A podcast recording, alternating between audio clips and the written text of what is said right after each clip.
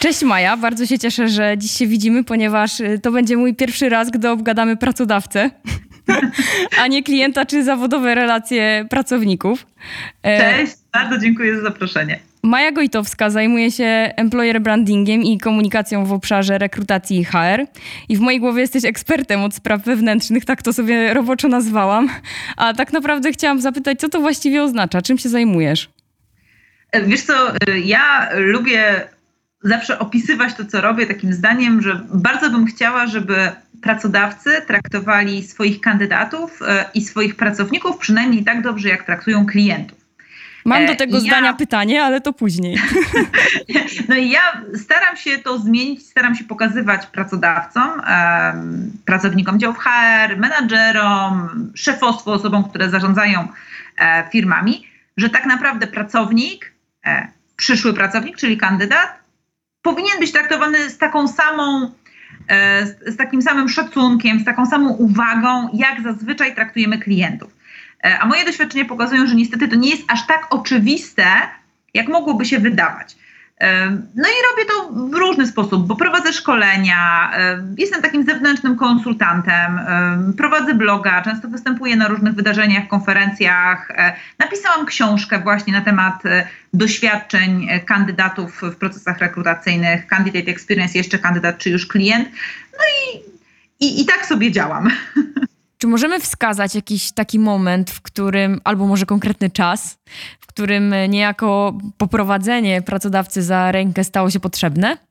Wiesz co, y, ja myślę sobie, że ten mój zawód wziął się no, z potrzeby chwili, tak? Bo mm, my w tym momencie znajdujemy się w dość wyjątkowym momencie na rynku e, pracy, choć e, pandemia bardzo tutaj dużo namieszała i, i mm, no, gdybyśmy przeprowadzały tę rozmowę w styczniu czy jeszcze w lutym, e, no to, to mówiłybyśmy o zupełnie innym świecie, tak? O świecie, gdzie mamy 5% bezrobocie, w świecie, w którym mówi się, że praca leży na ziemi i, i w świecie, w którym niezależnie jakiego pracodawcę spytamy, z jakiej branży, czy to będzie IT, czy to będzie obsługa klienta, czy to będzie sprzedaż, czy to będzie produkcja, to każdy powie, że jest bardzo ciężko, że ludzi do pracy nie ma, no i że po prostu trzeba te talenty e, przyciągać. Teraz to się trochę zmieniło.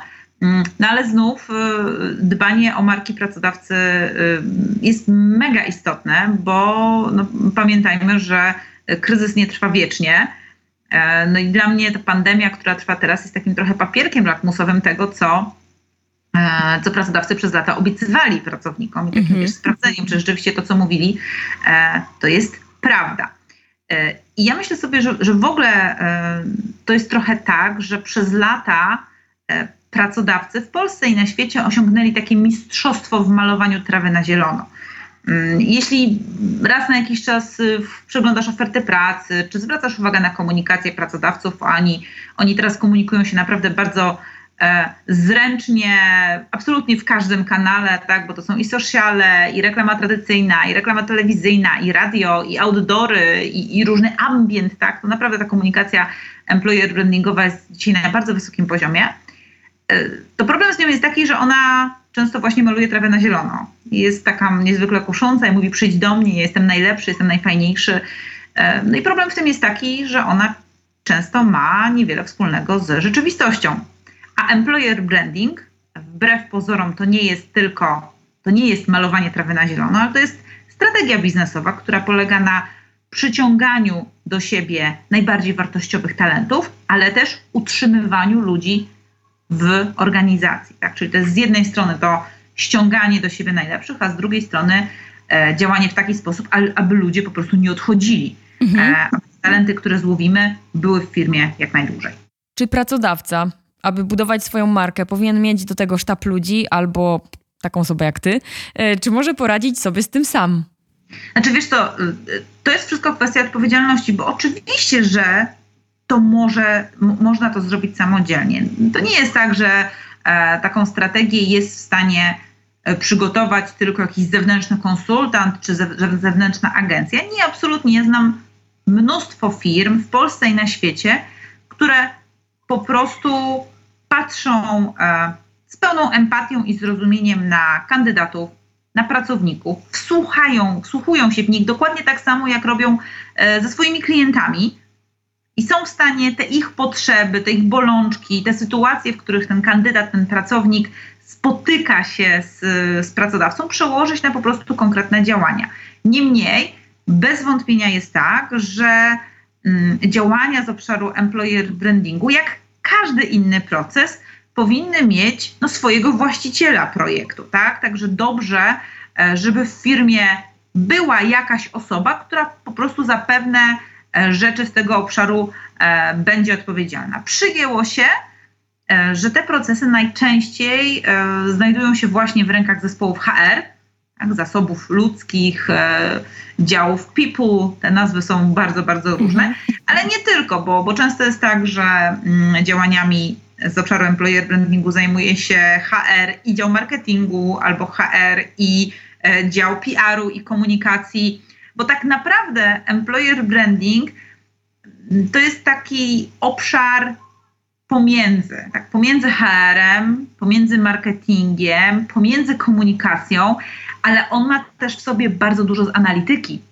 Mhm. E, I z takiego monitorowania, weryfikowania, łączenia ze sobą klocków i sprawdzania, czy te działania, które podejmujemy, rzeczywiście przekładają się na biznes. Bo na koniec dnia e, to, co się robi, te projekty, te procesy, które ja pomagam wdrażać moim klientom, to nie są rzeczy, które robimy, żeby było fajnie, tylko my je robimy, żeby biznes się lepiej kręcił. Tak? To jest wszystko biznesowy proces.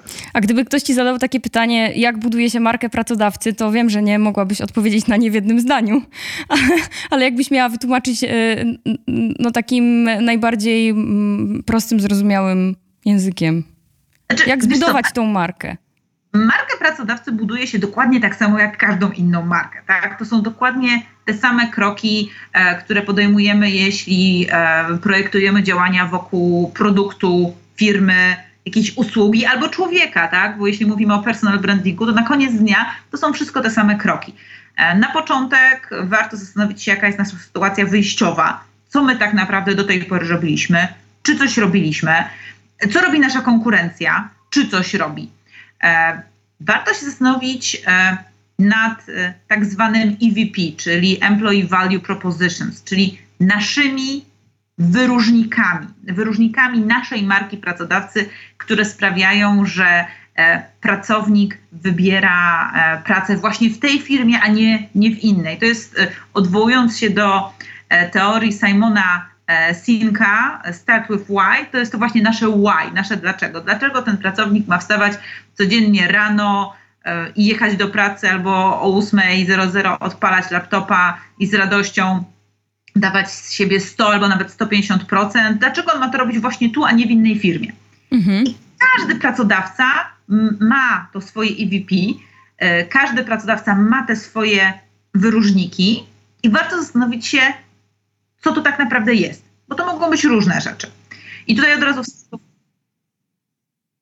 Wiesz co? No gdyby... No właśnie, jakie to są działania? Oprócz tych, które najczęściej się słyszy i z których czasami się śmiejemy, nie wiem, na przykład owocowe piątki. Oj, wiesz co, nie, ja od razu, od razu zdementuję. Owocowy piątek to absolutnie nie jest wyróżnik. Owocowy piątek, piątek to jest y, jakiś tam benefit oferowany. Tak, to jest jakaś wartość dodana, ale to nie jest wyróżnik, bo firm, które oferują owocowe piątki jest na rynku wiele i, i to absolutnie to nie jest wyróżnik. Wyróżnik to jest e, takie trzy, trzy czy cztery najpopularniejsze wyróżniki, które bardzo często widać w komunikacji, które bardzo często wychodzą w badaniach. E, to są ludzie, czyli atmosfera w zespole, e, to są możliwości rozwoju, e, to są, e, mm, to są ludzie, to są możliwości rozwoju, to jest na przykład poczucie wpływu. Ale ponieważ one tak często występują, to też jest od razu przykład takiego zbyt płytkiego podejścia do EVP. No bo już zwróciłam uwagę, że to ma być wyróżnik, czyli mhm. ta atmosfera to nie może być tylko atmosfera, to musi być jakaś konkretna atmosfera. To może być atmosfera wzajemnego wsparcia. To może być taka atmosfera napędzania się e, wzajemnego do rozwoju. To może być e, takie przyzwolenie w organizacji do popełniania błędów, na przykład. Tak? To jest jeden z wyróżników, który funkcjonuje w Netflixie, tak? Mhm. gdzie oni tam są wręcz zachęcani do tego, by właśnie e, popełniać błędy. No, każda organizacja ma te swoje wyjątkowe wyróżniki. Ja na przykład teraz miałam przyjemność pracować z klientem i po warsztacie, e, po warsztacie mm, takim strategicznym e, wspólnie zgodziliśmy się, że ich wyróżnikiem, e, ich wyróżniki to takie tradycyjne podejście do biznesu, to jest taki bardzo ogromny spokój w działaniu i merytokracja, bo to jest rzeczywiście firma, która niezwykle ceni konkretną wiedzę, i, i, I, właśnie w ten sposób zdobywa klientów i w ten sposób zdobywa, mm, zdobywa kandydatów i zdobywa pracowników, którzy są w tej organizacji bardzo, bardzo długo. Więc y, no, to jest bardzo indywidualna sprawa, ale warto poświęcić czas, żeby się zastanowić, co tak naprawdę sprawia, że ludzie są właśnie w tej firmie. No i od, odpowiemy sobie na to pytanie właśnie, e, oceniając e, to, jak firma jest postrzegana e, na zewnątrz, ale też co o firmie mówią sami pracownicy. Mhm, czyli mm. najpierw trzeba przeprowadzić badania i na zewnątrz, i wewnątrz tak samo. Tak, tak, tak. No bo to jest kolejny z elementów, no, które trzeba odhaczyć, kiedy mhm. przygotowujemy strategię employer brandingową. To jest zastanowienie się, kto jest tak naprawdę odbiorcą naszych działań kim są nasi kandydaci, no i kim są nasi pracownicy. I znów tutaj mogą być, to mogą być różni odbiorcy, tak? Bo, y, bo tak jak mamy różnych odbiorców w komunikacji marek i produktów, no tak tutaj to nie będzie po prostu kandydat, no bo inne będą potrzeby e, kandydata, który ma być przyszłym operatorem wózka widłowego, E, on inaczej będzie konsumował treści in, i w innych źródłach będzie szukał informacji o pracodawcach. On będzie miał inny styl życia, inny tryb y, życia, inaczej będzie konsumował media, jak to się ładnie, e, mhm. ładnie mówi. Inny będzie świat, w którym funkcjonuje sprzedawca handlowy, przepraszam, przedstawiciel handlowy. E, inny ktoś, kto będzie pracował w obsłudze klienta, a jeszcze inne ktoś, kto będzie pracował w biurze i będzie menadżerem wysoki, wysokiego szczebla. Więc warto się tak naprawdę zastanowić, ok, jakie są nasze grupy docelowe, stworzyć persony, dokładnie tak jak w komunikacji marketingowej i e, zastanowić się, jakie są potrzeby tych ludzi. E, do nich dopasować te wyróżniki, no i potem już zacząć E, po prostu komunikację. E, A często jest tak, że zgłasza się do ciebie firma, która e, chciałaby dłużej, na dłużej zatrzymać u siebie pracowników, bo na przykład ma problem z tym, że ludzie się dość często zwalniają, albo sam szef wymienia często tych ludzi i tak naprawdę nie wiadomo dlaczego. I trzeba im ułożyć tą strategię od początku do końca, żeby w ogóle i w ogóle na początku zdać sobie sprawę z tego, że jest jakiś problem, gdzie jest ten problem i go pewnie znaleźć, żeby móc odpowiednio ten problem rozwiązać.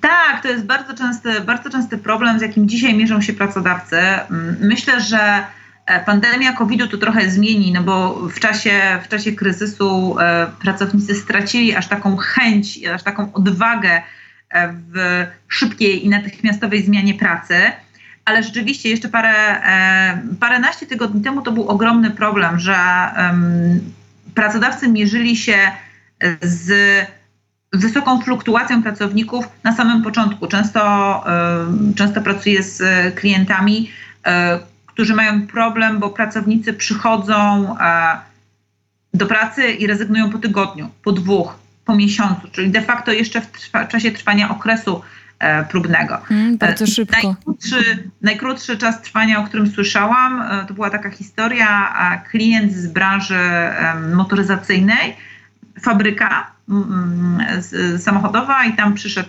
pracownik, wszedł na halę, popatrzył, zapytał się, gdzie jest łazienka, poszedł i już nigdy nie wrócił. Tak? 30. Co za historia. No właśnie, no i, i, i mądrze, bo, bo wiesz, e, z employer brandingiem e, to jest trochę tak, że to jest z jednej strony ta obietnica.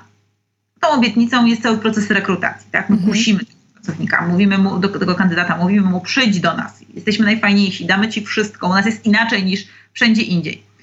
No ale kiedy już go zrekrutujemy, no to następuje druga część, czyli ta weryfikacja obietnicy.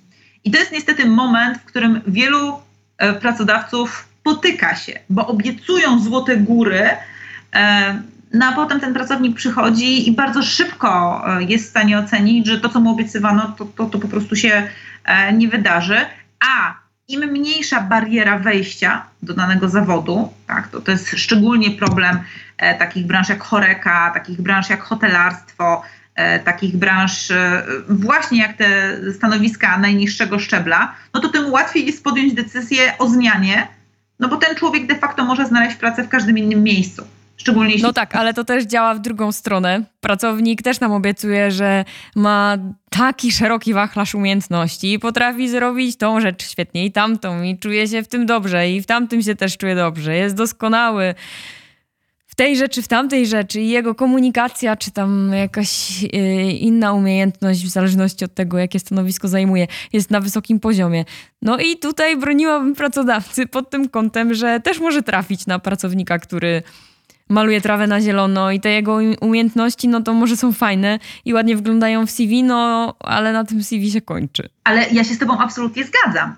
Y, masz absolutnie rację y, i to jest też y, rzecz, którą ja bardzo chciałabym zmienić. Moim takim marzeniem, mam ogromną nadzieję, że, że na to wpłynie choćby obecna e, sytuacja na rynku pracy, to jest to, że to jest w ogóle zmiana całego myślenia o procesie rekrutacyjnym. Ja myślę sobie, że, że proces rekrutacyjny jest jednym z elementów employer brandingu, tak? bo te procesy rekrutacyjne, e, które generalnie są dzisiaj widoczne na rynku, no one są raczej podobne. Tak? Masz ogłoszenie, pracodawca mówi, żebyś wysłała CV, ktoś to CV analizuje, potem dzwoni, przeprowadza wstępną rozmowę z kandydatem, e, jeśli jest OK, ten człowiek jest zaproszony na spotkanie rekrutacyjne online albo offline, E, potem, w zależności od stanowiska, jest albo zatrudniony, albo jest jeszcze jedno spotkanie i kolejne, i kolejne, i kolejne. I ten proces się ciągnie od miesiąca do trzech, a może nawet pół roku. Mhm. No, i, i, no i to jest właśnie to doświadczenie, z którym kandydaci są często zostawiani, bo umówmy się, zmiana pracy generalnie nie, nie wiąże się z jakimiś miłymi doświadczeniami, poszukiwanie pracy. Tak? To jest raczej, to, kiedy mówimy o jejku, będę szukał pracy, no to każdy ma, bardzo często mamy w sobie takie, takie poczucie, o matko, znowu, mhm. znowu muszę przez to przechodzić.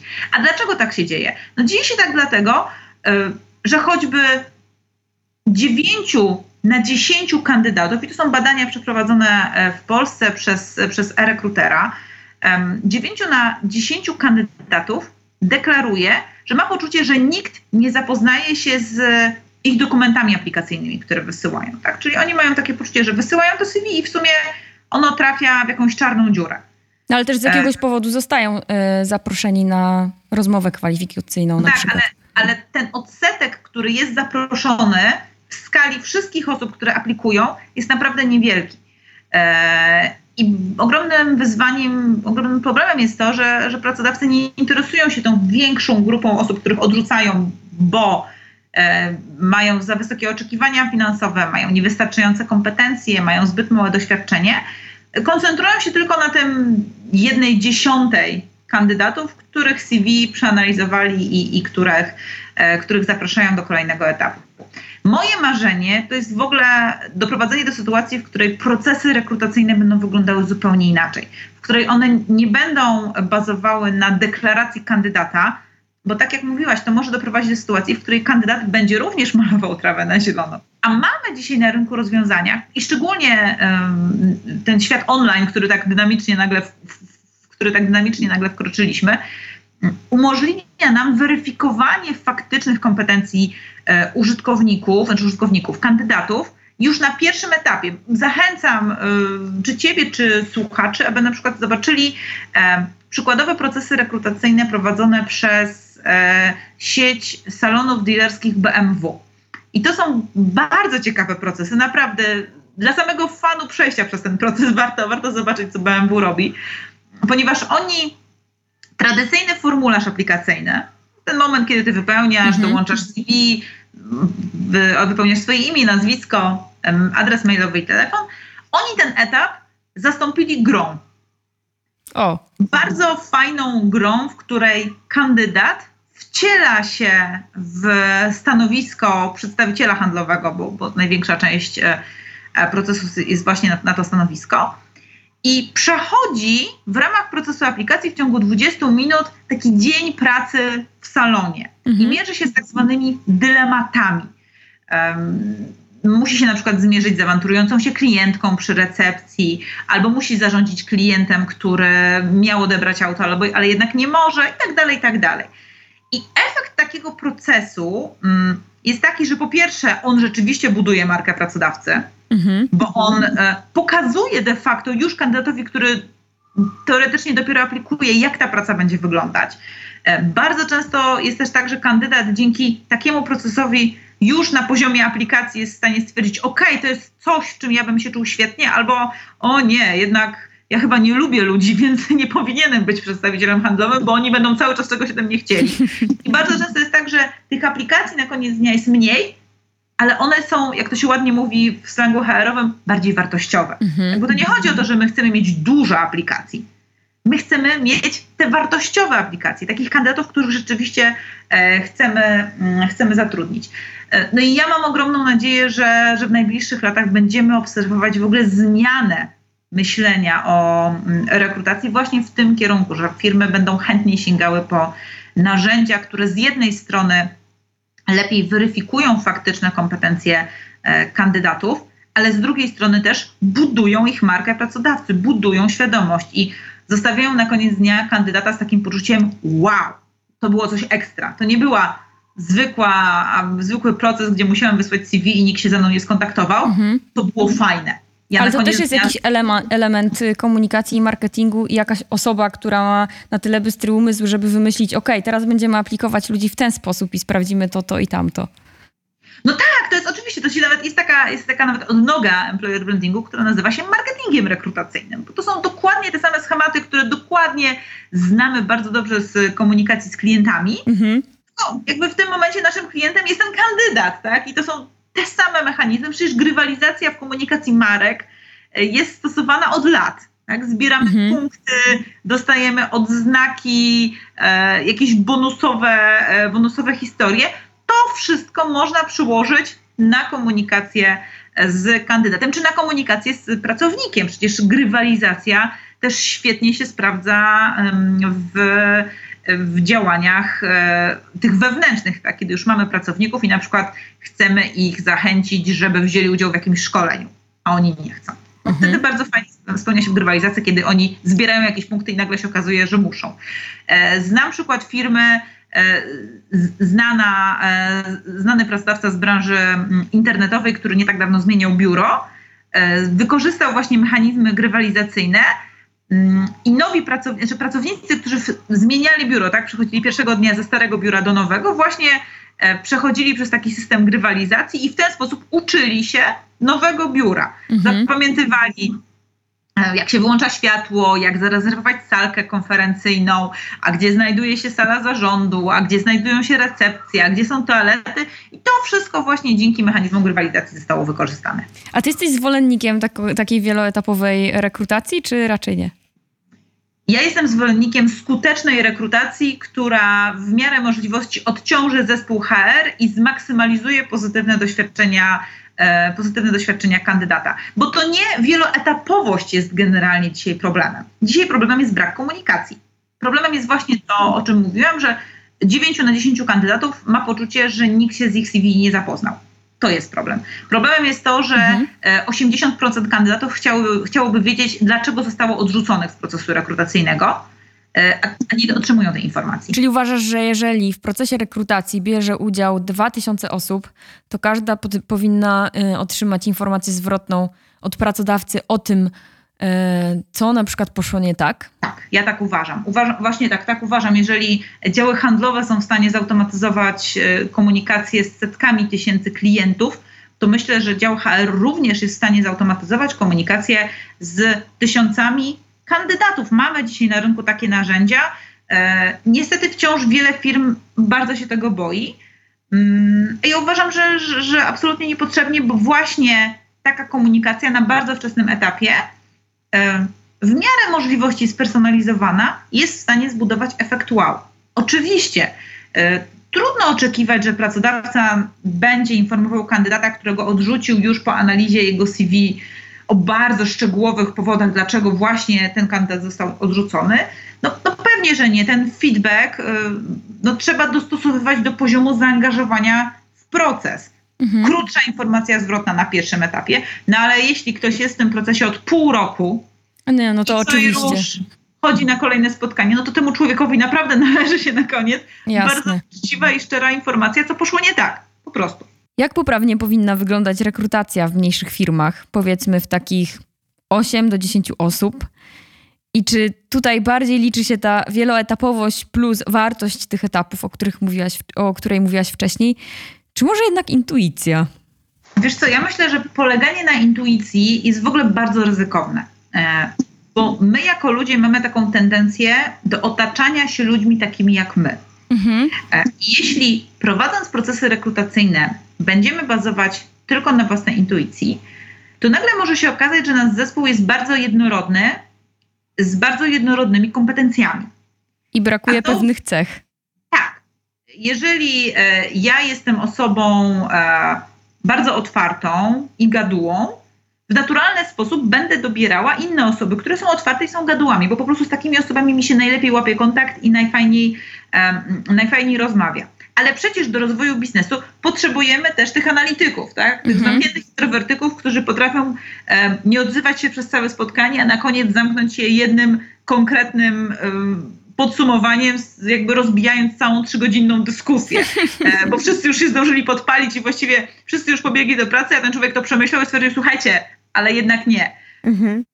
I właśnie dlatego e, projektując procesy rekrutacyjne, szczególnie w mojej firmie, warto w ogóle na samym początku zastanowić się e, nie tylko na jakie stanowisko my chcemy zrekrutować tego człowieka, ale tak naprawdę jakiego my człowieka potrzebujemy w tym zespole, tak? jakie cechy powinien spełniać e, dany, dany człowiek, żeby uzupełnić nasz cały zespół. I tak, na pewno zachęcam również e, małe, e, małe zespoły, małe organizacje, żeby nie bały się testów, żeby nie bały się ankiet, żeby nie bały się zadań, które są tym pierwszym etapem procesu e, rekrutacji, a dopiero potem umawiały się z konkretnymi kandydatami na, na spotkania, no bo jednak ten pierwszy krok, mega ważny, to jest właśnie ta weryfikacja tych kompetencji twardych. Mhm. E, no dopiero potem no to jest ta chemia, tak? I sprawdzenie, czy ten człowiek na, pewno odnajdzie się w danej, w danej organizacji.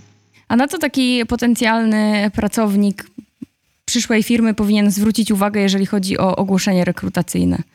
Czy jest coś, co, na co powinien zwrócić uwagę, czego nie widać gołym okiem, a, a jest bardzo ważne, oprócz tego, że fir firmy bardzo często wypisują takie rzeczy właśnie jak owocowe piątki, czy karnety na siłownię, czy tam świadczenia lekarskie? Znaczy, ja myślę, że na pewno y, warto wykonać research. Warto sprawdzić, czy to, co y, mówi firma w ogłoszeniu, y, no, jest na pewno prawdą. Warto się w ogóle przygotowywać do, e, do rozmów, do spotkań, do aplikacji. Warto poczytać o tej firmie.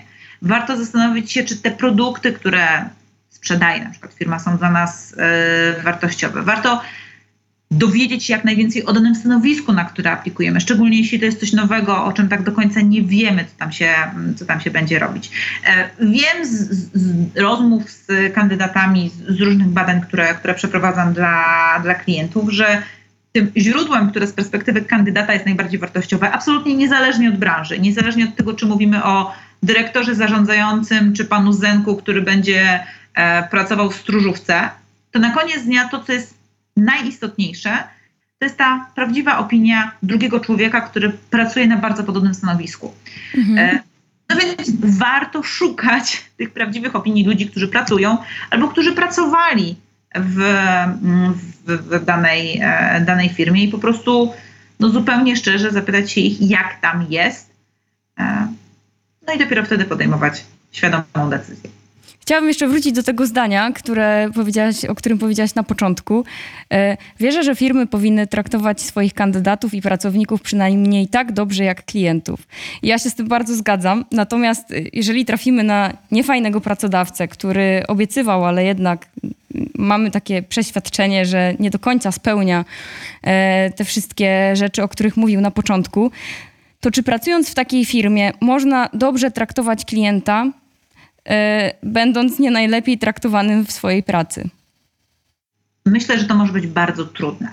E, jasne, to, to jest do zrobienia i ja znam wiele, wielu fantastycznych pracowników, którzy są pracownikami nie do końca fantastycznych pracodawców. Mhm. I to na pewno jest możliwe. E, niemniej wyobrażam sobie, że to może być niezwykle trudne, może się to wiązać z wieloma frustracjami i takim przekraczaniem własnych granic. Więc w miarę możliwości zachęcam do tego, aby z taką otwartą głową podchodzić do poszukiwania naprawdę fajnych pracodawców, bo takich firm jest w Polsce, jest na świecie naprawdę mnóstwo.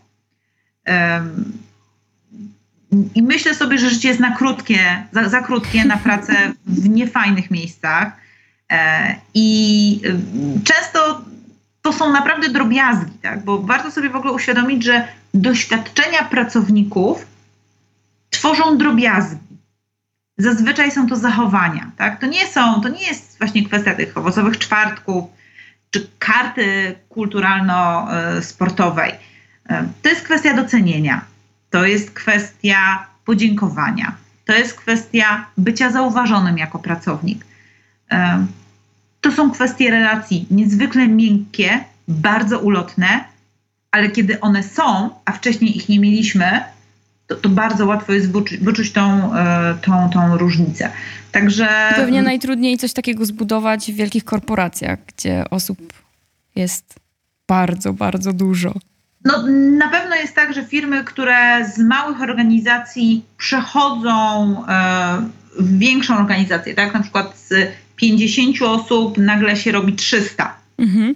To, to jest ten moment, kiedy rzeczywiście firma jest w takim trudnym momencie przejścia z małej, fajnej firmki na już korporację, gdzie potrzebne są jakieś procedury, aby pewne rzeczy, aby pewne rzeczy uporządkować. E, I tak, to jest bez wątpienia wyzwanie, wyzwanie z, którym, e, z którym mierzy się coraz, coraz więcej organizacji. E, I to jest, też, to jest też moment, w którym warto wspomnieć o tym, jak ważna jest kultura, jak ważne są wartości, którymi, którymi żyje firma, jak ważne są zachowania, które są powszechnie akceptowane i zachowania, których absolutnie nie dopuszczamy. Możemy tutaj mówić wydaje się o takich błahych rzeczach, tak jak szacunek do innej osoby, e, jak właśnie dawanie feedbacku, jak, jak docenianie e, drugiej osoby. I, I, często ja jak słucham, e, jak, jak słucham na, na, różnego rodzaju wydarzeniach o tym, że o, w naszej firmie to jest, to, to bardzo łatwo jest popaść w takie stwierdzenie, a to jest jakaś tam drobnostka, przecież to nie jest ważne. Mhm. Na koniec dnia e, bardzo istotne jest, to, czy firma rzeczywiście dba o to, aby te wartości żyły. Czy firma rzeczywiście premiuje osoby, promuje osoby, które rzeczywiście no, wykorzystują te e, wartości w praktyce. No, czy to są po prostu wartości, które wiszą na ścianach, a i tak się często zdarza, tak, że, że firma mhm. ma jakieś wartości, które są tam w ramach, e, na korytarzach, e, a życie idzie swoją drogą. Tak, że szefowi firmy wydaje się, że w jego firmie się wszystko dobrze dzieje, ale menadżer gdzieś tam któregoś szczebla jednak nie zwraca na to większej uwagi. Tak, wiesz co, ja pod koniec lutego brałam udział w takim dwudniowym certyfikacyjnym szkoleniu e, dotyczącym metodyki Agile, e, mhm. właśnie w procesach e, HR-owych. I jakby ta cała przygoda z Agilem bardzo utwierdziła mnie w przekonaniu, no, że bardzo ważne jest staropolskie słowo mindset. Tak? Bardzo ważne jest to nasze nastawienie, to co my mamy w głowie e, i to jak my podchodzimy do procesu. Bo tak naprawdę, gdybym miała wskazać receptę, taką fajną kulturę, która trzyma ludzi, no to znów to nie są jakieś fajerwerki. Tak? To mhm. właśnie nie są te rzeczy namacalne. E, to są takie proste historie związane z komunikacją, z, z, z szybkim feedbackiem, z prostotą procesów, ze szczerością, e, z uczciwością w organizacji, ze wzajemnym zaufaniem.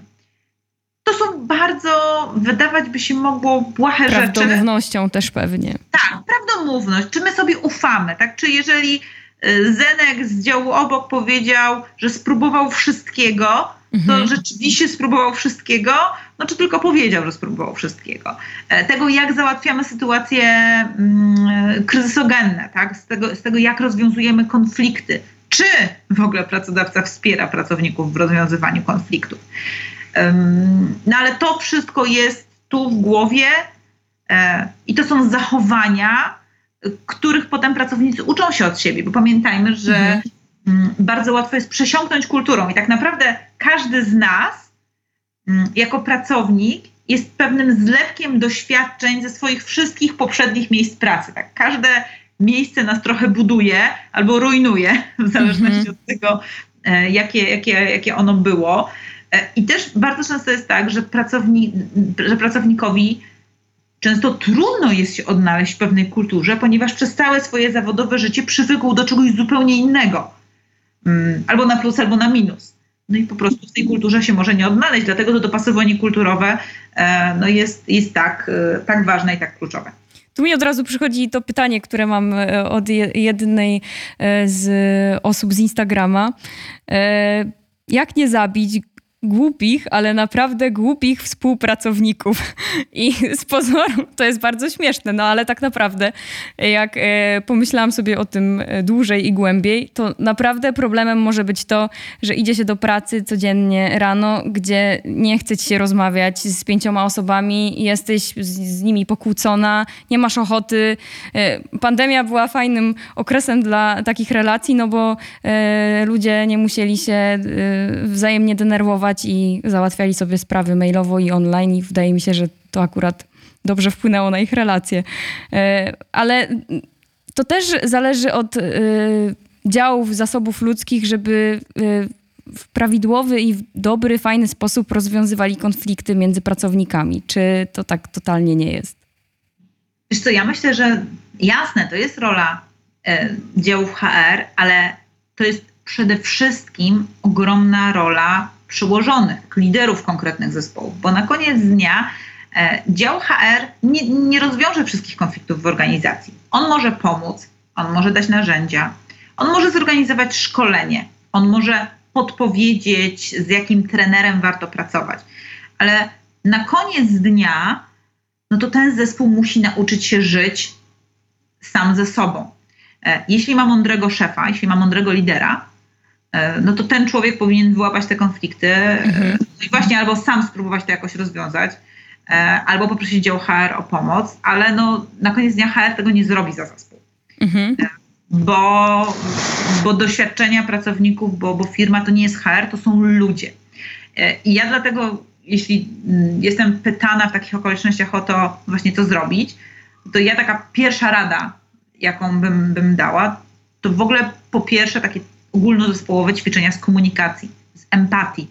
My mamy w ogóle jako ludzie, e, jako pracownicy ogromny problem z wchodzeniem w buty drugiej strony, z patrzeniem na świat oczami innej osoby. Pamiętajmy, że perspektywy mamy różne.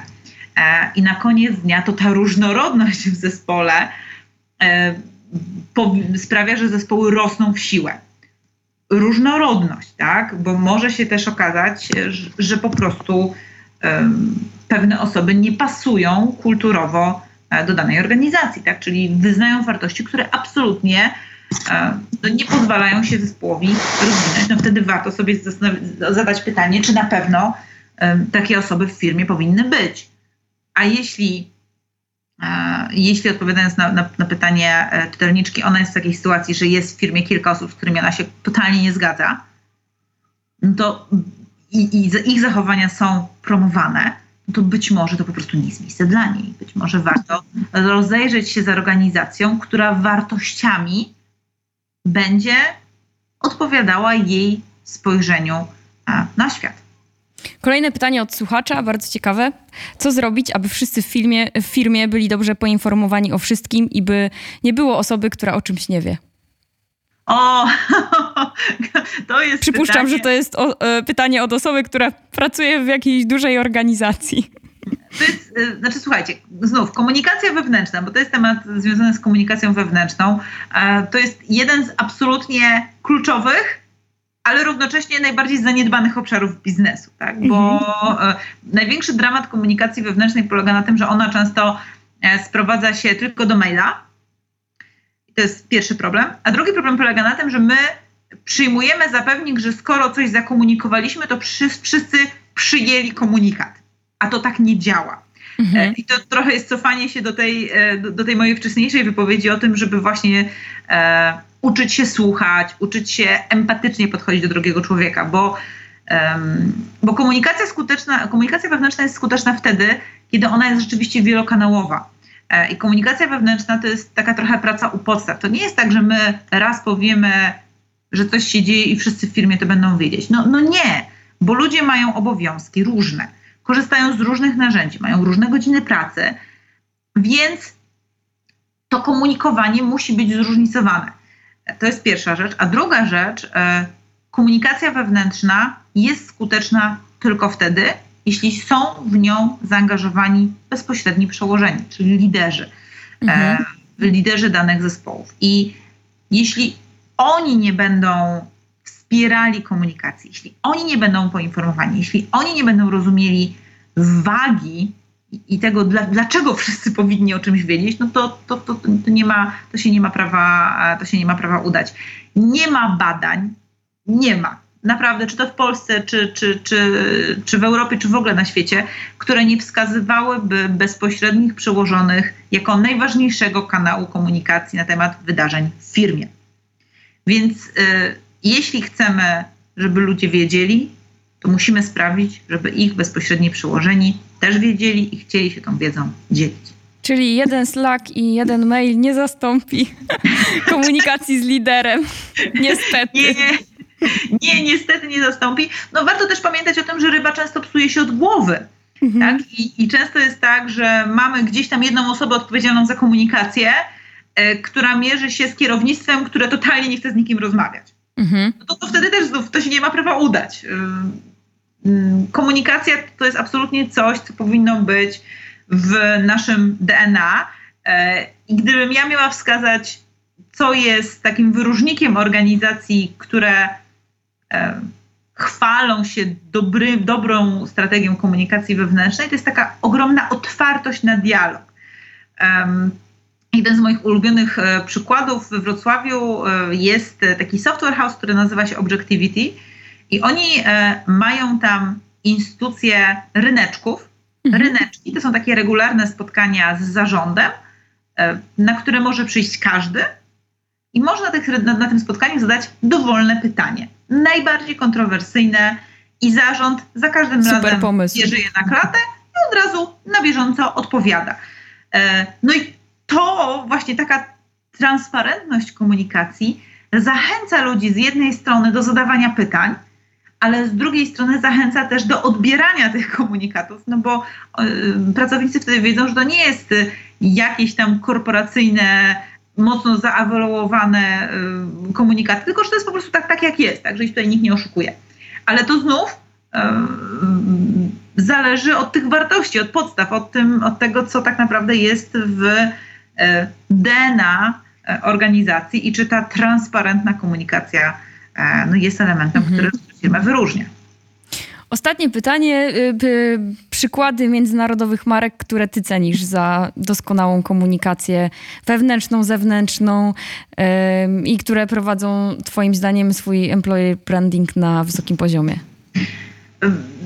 Pozostając w klimacie pandemicznym. Ja na kim jestem... się wzorować jednym słowem?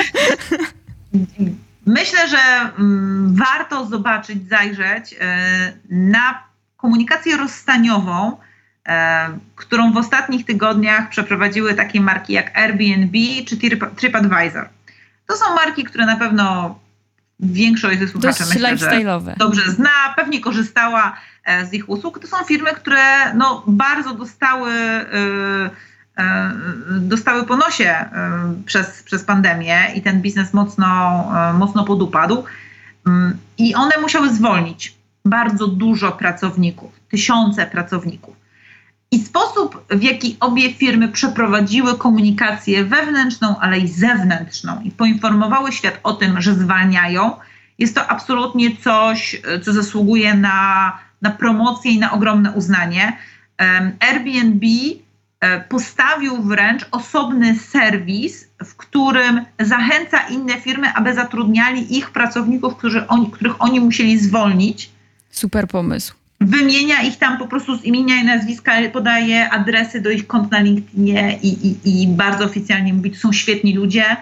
Myśmy mhm. musieli to zrobić, aby przetrwać, ale oni mogą wam pomóc rozwinąć wasz, e, wasz biznes.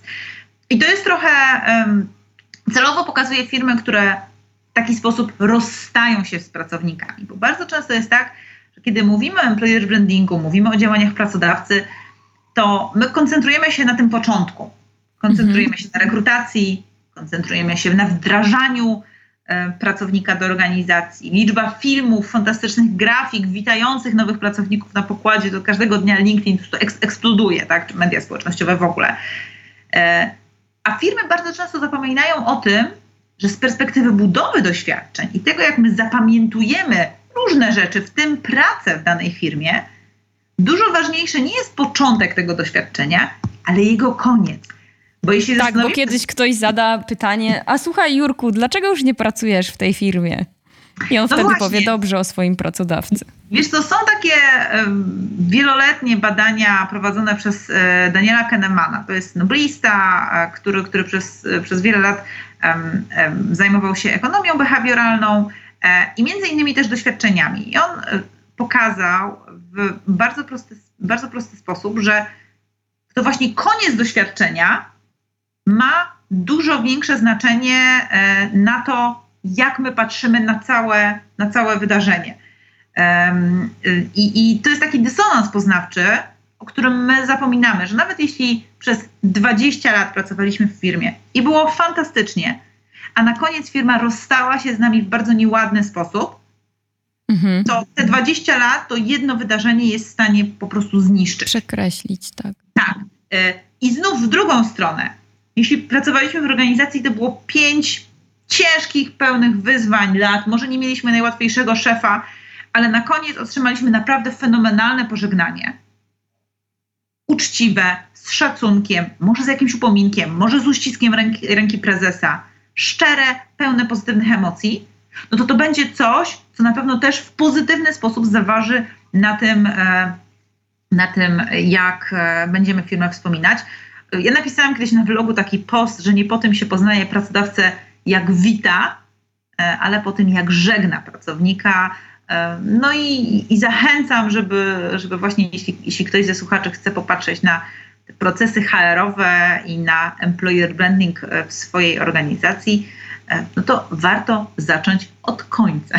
Czyli Bo to właśnie... tak naprawdę ten komfort psychiczny jest najważniejszy, prawda? Czy tak. na początku, czy na końcu? Tak, tak, tak. Komfort psychiczny, a szczególnie teraz, e, znów w świecie covidowym, po-covidowym, myślę, że pracownicy będą jeszcze z jeszcze większą uwagą zwracać uwagę właśnie na ten, na ten aspekt bezpieczeństwa i na to nie, czy firma da mi 300 zł więcej, ale czy ta firma jest stabilnym pracodawcą, czy ona się nie wywróci na najbliższym zakręcie. E, I ta świadomość wśród, wśród kandydatów będzie, będzie rosła na pewno. Bardzo Ci dziękuję. Życzę wszystkim firmom w Polsce, żeby były takimi Airbnb albo TripAdvisorami i żeby sobie wspaniale radziły. E, no bo im więcej e, fajnych, e, zdroworozsądkowych, myślących pracodawców, tym więcej fajnych pracowników. Na szczęście takich dobrych przykładów jest naprawdę y, coraz więcej. Zapraszam do mnie na bloga gojtowska.com. Tam jest mnóstwo bardzo pozytywnych przykładów fajnych firm, które umieją w employer branding. Także może się czymś zainspirujecie. Tak, i polecamy pierwszą książkę i czekamy na drugą. Mam nadzieję, że się uda napisać. Dzięki bardzo. Dziękuję.